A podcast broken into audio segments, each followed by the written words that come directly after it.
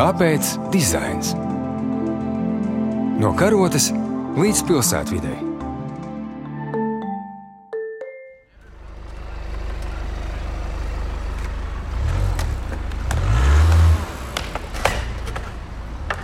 Es domāju, ka ilgspējīgas ir tās pilsētas, kurās cilvēki grib dzīvot.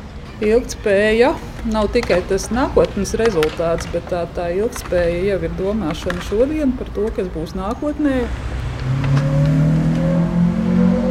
Šoreiz raidījumā Kāpēc dizains saruna ar Latvijas arhitektūras muzeja vadītāju un dizaina pētnieci Ilzi Martinsonu un arhitektu un zema patēriņa ēku projektētāju Ervīnu Kraukli par ilgspējīgiem risinājumiem pilsētā ko tas nozīmē, kā tos īsteno un kā ar to īstenošanu veicas mums. Studijā Ilza Dobele. Ilgspējīgas attīstības jēdzienu starptautiski sāka plaši lietot no 1992. gada ANO Zemes samita. Tā ir kā pretēja rīcība, kad par savas darbības sakām nedomājam. Piemēram, resursu noplicināšanai pretī liekot to efektīvu pārvaldību un atjaunojamos resursus. Jau pirms 15 gadiem ANO eksperti norādīja, ka, lai jebkura kopiena patiešām būtu ilgspējīga, tā ir jāņem vērā trīs lietas - ekonomiskie, vides un kultūras resursi. To savā grāmatā norāda arī vācu ilgspējības pētnieks Elmārs Rompčiks. Stājoties amatā, Latvijas valsts prezidents Egils Levits norādīja, ka Latvijai desmit gados jākļūst par modernu, ilgspējīgu Ziemeļ-Eiropas valsti, kura varētu būt paraugs citām.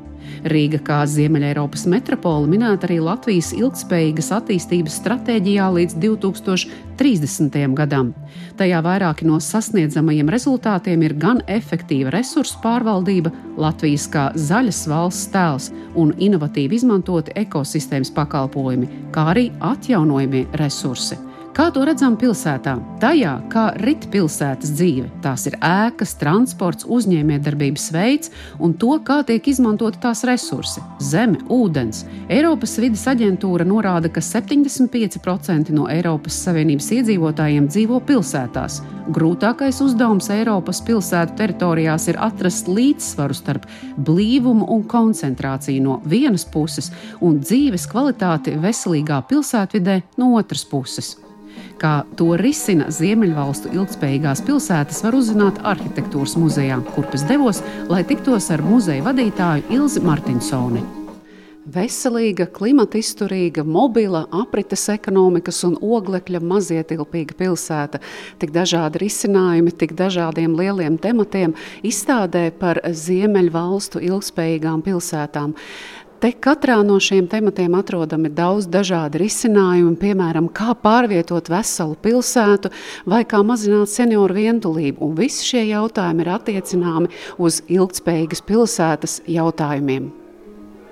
Ziemeļvalstis, man liekas, ekoloģiskās domāšanas ziņā vienmēr ir bijuši līderi. Ar to esmu saskārusies pati kā žurnāliste, braukājot pa dizaina pasākumiem, ka pat kādā rūpnīcā viesojoties, kur viņi rāda ražošanas procesu, viņi nekad neaizmirst lielīties, uzteikt sev ar to, cik maz šis process ietekmē ekoloģisko vidi, kur es citur tā neesmu saskārusies. Nu, šī izstāde stāsta par visām tām sfērām, kas attiecās uz ilgspēju, kā šis jēdziens tiek skaidrots. Princip principā tā ideja jau nāk no apvienoto nāciju organizācijas, kur ir izstrādājusi ilgspējas programmu līdz 2030. gadam un formulējusi 17 mērķus, kādi tie būtu. Vienu lielu daļu no tiem mēs šajā izstādē redzam, jo lielākas pilsētas, jo, protams, šo problēmu ir vairāk un, un arī kompleksāk tās ir jārisina. Nu, tad šeit katra no piecām ziemeļu valstīm rāda arī savu labāko, ko viņi šajā jomā ir sasnieguši šajās pilsētās pilsētās.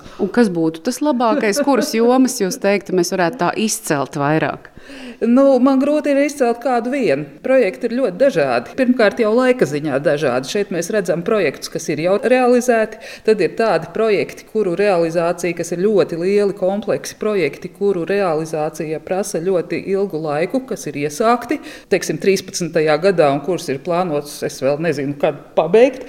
Un ir tādi nākotnes projekti, kas vispār vēl nav iesākti, kas pagaidām ir tikai projekta stadijā. Piemēram, no mazajiem projektiem ir tradicionālā somu pirts. Somi joprojām viņu lieto, priecājās par vienu no saviem identitātes stūrakmeņiem, bet izrādās, ka daudzus gadus ir bijusi aizmirsta tradīcija, ka šī pirts ir koplietošanas pirts. To ir izmantojušas tikai ģimenes, tehnoloģijas gājušas uz priekšu, caur satelītu no dzīvokļa jau šo pirti ieslēdz un iekurina, un tad ģimene brauc jau uz siltu pirti. Bet tagad ir nonākuši atpakaļ somi pie domas, ka tā tomēr ir koplietošanas lieta.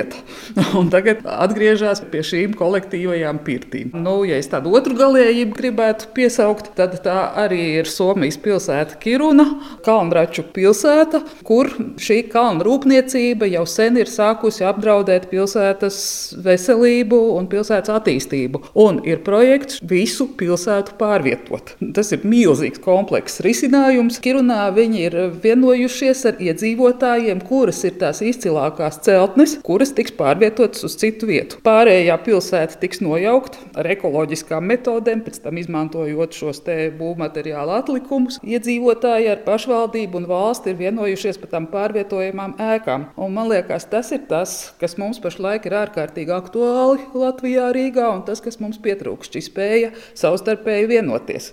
Pēkšņi parādās vīri ar zāģiem un zāģē nost Marsa parku un saka, ka jums bija iespēja izteikt viedokli divus gadus atpakaļ Rīgas domas mājaslapā maziem burtiņiem, ieejot entās tur atverot vietņu vietnes, un jūs paši esat vainīgi, ka jūs neesat izteikušies ātrāk. Nu, man liekas, tā ir tāda savā veidā apzināta informācijas slēpšana, jo skaidrs, ka cilvēks iestājās tikai par kaut ko tad, ja viņš par to ir pietiekami informēts. Un es nezinu tos maniakus, kas sēž mājās aizņemt cilvēku un tā vietā, lai audzinātu bērnus un paši strādātu un izglītotos un vingrot vakaros, meklē Rīgas domas mājaslapā, kam varētu pieķerties un pret ko varētu protestēt. Vai arī šajā izstādē ir kādi piemēri no tā, kādā veidā atkal un atkal mājām tiek dota jauna dzīvība. Šajā izstādē es tādus piemērus daudz neatradu. Šeit ir liela daļa tieši par to, par ko piemēram iestājās Jānis Lēnieks Elizabetes ielas divu sakarā par būvmateriālu otrreizēju izmantošanu. Un te ir ļoti pārsteidzoši piemēri, ka Kopenhāgenā ir uzbūvēts dzīvojamais kvartāls, kur ir izmantoti 75% logi no nojauktām ēkām lietām. Vēl viena liela grupa, kas pilsētā vienmēr ir saistīta arī ar klimatu un ar uh, izmešiem, ir transports. Jā, šeit ir grupa, kas ir veltīta transportam, kas saucās mobīlu pilsēta, drošs un tīrs transports visiem, un tie piemēri un paraugi ir vairāki. Viena lieta ir Gēteborga, kas vēlās sevi padarīt par pilnībā sabiedrisko transportu elektrificēt. Šis projekts ir ilgstošs projekts, kas ir jau sākts, ja nemaldos, 2013. gadā, bet atrodas pašlaik tikai daļējā realizācijā. Bet runa iet ne tikai par sabiedrisko transportu, bet par pilsētas transportu kopumā, par apkalpes dienestiem, par kravas mašīnām. Jo viņi ir izrēķinājuši un sapratuši, ka elektrificētas automašīnas nerada troksni, tās var darboties un apkalpot pilsētu naktī, neradot iedzīvotājiem nekādas nērtības. Un, savukārt ir arī tādi pārsteidzoši projekti, ja Kopenhāgenā,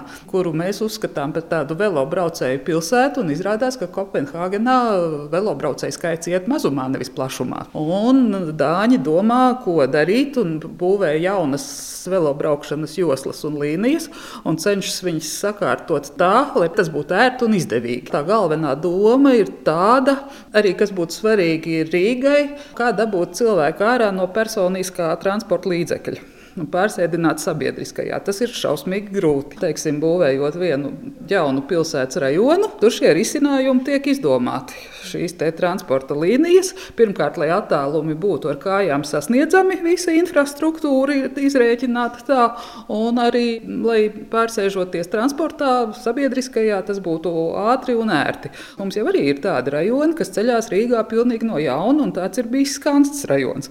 Mēs, diemžēl, nekur tālāk par šādu domu neesam tikuši kā par Skansas tramvaju šo rajonu projektējot. Jā, un tad vēl viena grupa, kas man likās ārkārtīgi interesanti, ir šī kopā dzīvošanas ideja vai ideja, kādā veidā mēs varam dalīt. Dzīvojamo telpu. Jūs pieminējāt jau par pirti, bet ir arī projekti, kas mūsu vēsturiskai atmiņai varbūt ir nepieņemami, kas atgādina mazliet komunālos dzīvokļus. Kas tie ir par projektiem un ar kādu mērķi tie tiek realizēti pilsētās? Tā ir Stavanger. Šeit cilvēku kopā dzīvošana ir brīvprātīga. mums komunālajos dzīvokļos vienkārši izspieda saimniekus, un no saimniekam atstāja vienu istabu un salika pilnīgi sociālā ziņā pilnīgi citus slāņus. Tas padarīja mūsu dzīvi briesmīgu. Bet šeit cilvēki to dara uz brīvprātības principiem, man ļoti ieinteresēja arī šī aptauja, kas pēc tam ir veikta. 96% no šiem mājokļu iedzīvotājiem ir apmierināti un uzskata, ka viņu dzīves kvalitāte ir uzlabojusies. Zviedri ir pirmajā vietā pasaulē vientuļo veco cilvēku skaita ziņā. Un vecajam cilvēkam bieži vien viņa dzīvoklis ir par lielu. Savukārt, neraugoties uz visu, valda arī dzīvokļu trūkums. Un jaunie cilvēki, kas dodas kaut kur studēt prom no mājām, viņiem ir problēma atrast to dzīves vietu. Un tad šeit tiek realizēta īpaša programma, kā jaunais cilvēks tiek piedāvāts vecāku gadagājumu cilvēkam, un par nelielu samaksu viņš noīrē dzīves vietu pie vecākā cilvēka. Tas veido savā starpā nu, socializāciju, arī paudžu kaut kādus kontaktus. Šeit notiek arī tā sociālā integrācija uz ekonomiski izdevīgiem pamatiem. Nu jā, mēs arī runājām par ilgspēju pilsētā, arī ļoti praktiskos jautājumos.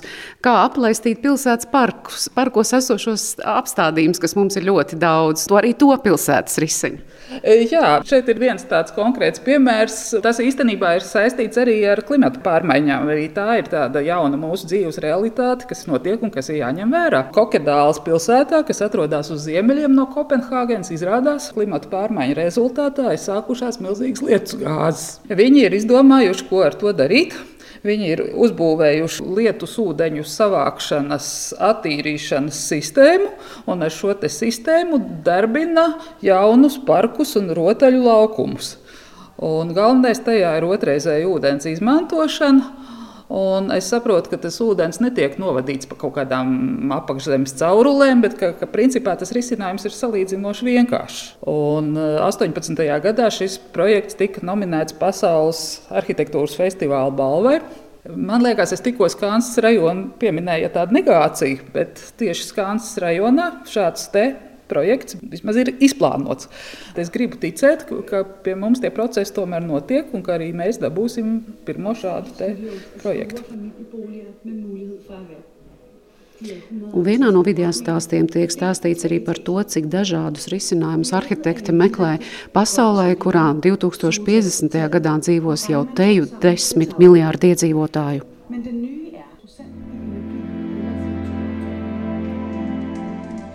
Kāpēc dizains?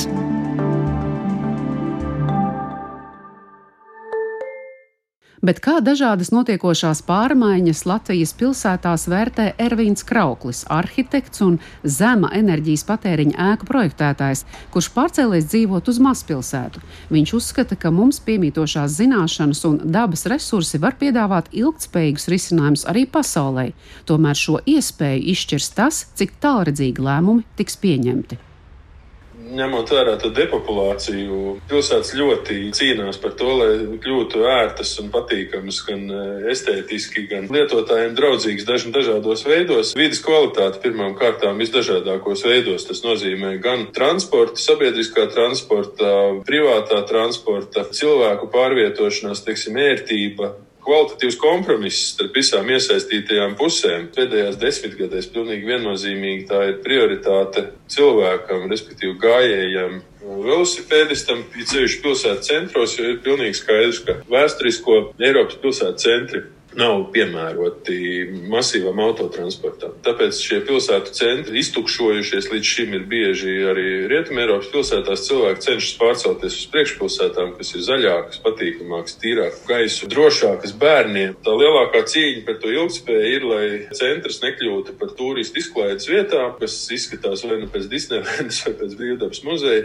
Un tad ir pārējā centra daļa, kurā dzīvot var tikai kaut kādu vajadzību spiest. Vai mēs vispār varam teikt, ka kāda pilsēta kopumā ir ceļā uz to, vai mēs redzam tomēr tādus atsevišķus mazus punktus, atsevišķus mazus risinājumus? Es pat dzīvoju Cēsīs. Viens no apsvērumiem, kāpēc mēs nedzīvojam vairs Rīgā, ir tieši vidas kvalitāte arī tos.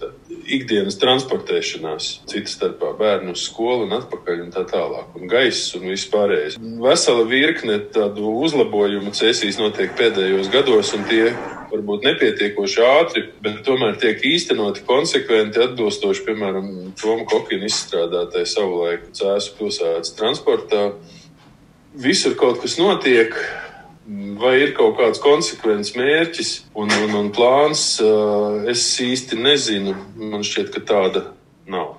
Bet vai tas, kas tiek izdarīts ar jūsu ekspertu acīm, ir arī bieži vien ilgspējīgs risinājums, vai tomēr tie ir tādi, nu, mums bija līdzekļi, mēs izdarījām, mums ir iespēja, bet jūs nesaredzat, ka tas ir tāds tālējošs risinājums? Nu, ir, protams. Daudz vietā tiek atjaunotas arī mazākās pilsētās ielas, trotuāri vai nekas it kā komplekss risinājumi. Tā pašā laikā tomēr lielākas rūpes ir par to caurbraucošu autotransportu, lai varētu saglabāt ātrumu ierasto. Tad parādās bieži vien brīnišķīgi rekonstruētas ielas ietves un, un visa ainava caurbraucot. Tā pašā laikā ir šīs gājēji barjeras. Es pārliecināts, vai, vai ieguldījums šajās barjerās tiešām ir, ir jēdzīgs un daļēji tikai risina problēmu problēma. Tas, ko mēs redzam, ceļa gabals no eh, Melturiem līdz Cēsīm un tālāk, faktiski mēs iebraucam Gaujas Nacionālā parkā kur ir ļoti daudz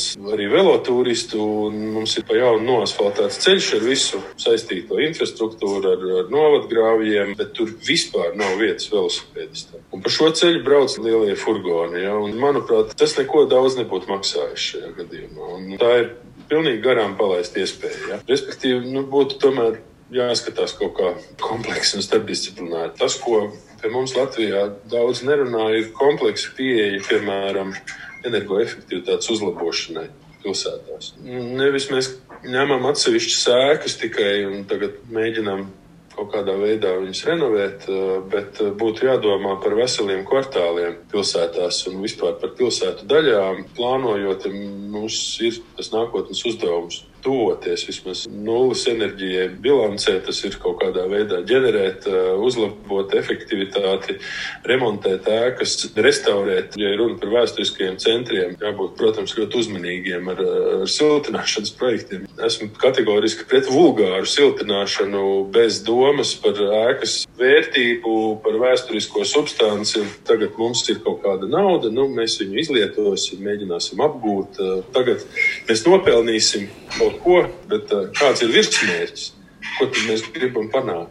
Mums patiešām ir daudz labu piemēru un daudz labu risinājumu un cilvēku, kas ir gatavi daudz ko darīt. Bet uh, es ļoti ceru, ka to naudu, to, ko tagad dēvē par covid naudu, patiešām izmantos nevis primitīvai ekonomikas sildīšanai, kā tas ir bieži vien līdz šim bijis, bet kā uz ieguldījumu, kas ģenerē patiešām vēl tālāku ekonomisko aktivitāti tādā ilgspējīgā veidā. Ja? Risināt nevis tagad viena vai divu gadu problēmas, bet raudzīties desmitgadus vismaz pēc Kā jūs raugaties atkal uz šo nevis jau to esošo ēku uzlabošanu tieši no šīs energoefektivitātes un līdz ar to arī klimata jautājumu saistību, bet tieši ar jauno ēku būvniecību? Vai tur mēs esam pavirzījušies tālāk, jau būvējot labākas, energoefektīvākas ēkas. Ir uzlabojumi būvnormatīvos, ja, kas pieprasa daudz augstāku energoefektivitāti, daudz labākas norobežojošās konstrukcijas,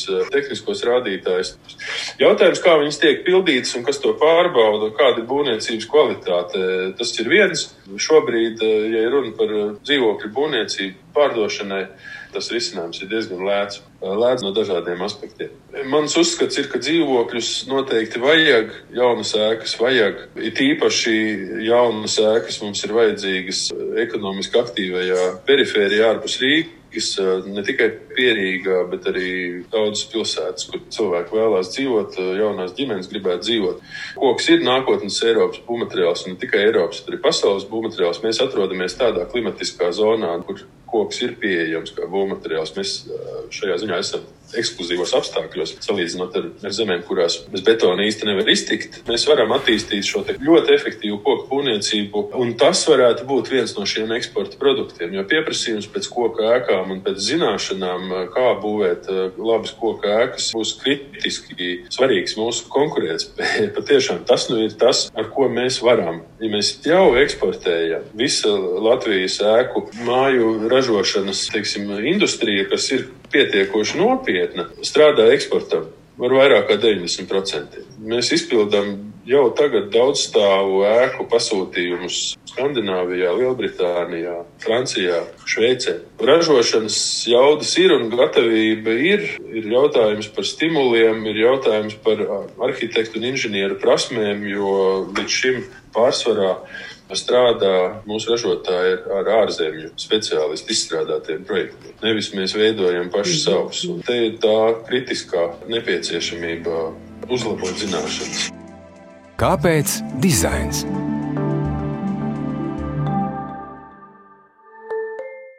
Kā atzīst Ilza Martinsone, katra lēmuma pamatā par ilgspējīgu rīcību ir arī spēja sadarboties daudzām pārmaiņās iesaistītiem cilvēkiem, organizācijām, kopā ar pilsētu vadītājiem. Tā grūtība varbūt tās manā uztverē ir tā, ka šeit bieži vien ir daudzas puses, kurām ir jāvienojas savā starpā. Te ir tādi projekti, teiksim, par pilsētas transportu, kurā ir iesaistīts 15 organizācijas. Nu, mums, latviešiem, tā vienošanās tradīcija, mēs esam viensētnieki. Mums, mums ir tāda pašvaka. Bet nu, es tomēr gribu domāt, ka tā domāšana pašlaik mainās. Latvijā ir pozitīvi piemēri par ilgspējīgiem risinājumiem, un iepazīstoties ar pieredzi Ziemeļeiropas valstīs, kuru vidū vēlas būt arī Latvija, mēs būsim zinošāki un arī prasīgāki pret lēmumu pieņēmējiem. Radījuma skaņa montē Judita Bērziņa, studijā Ilza Dobele. Paldies Valsts kultūra kapitāla fondam par atbalstu raidījuma izveidē. To varat klausīties arī savā podkāstu aplikācijā.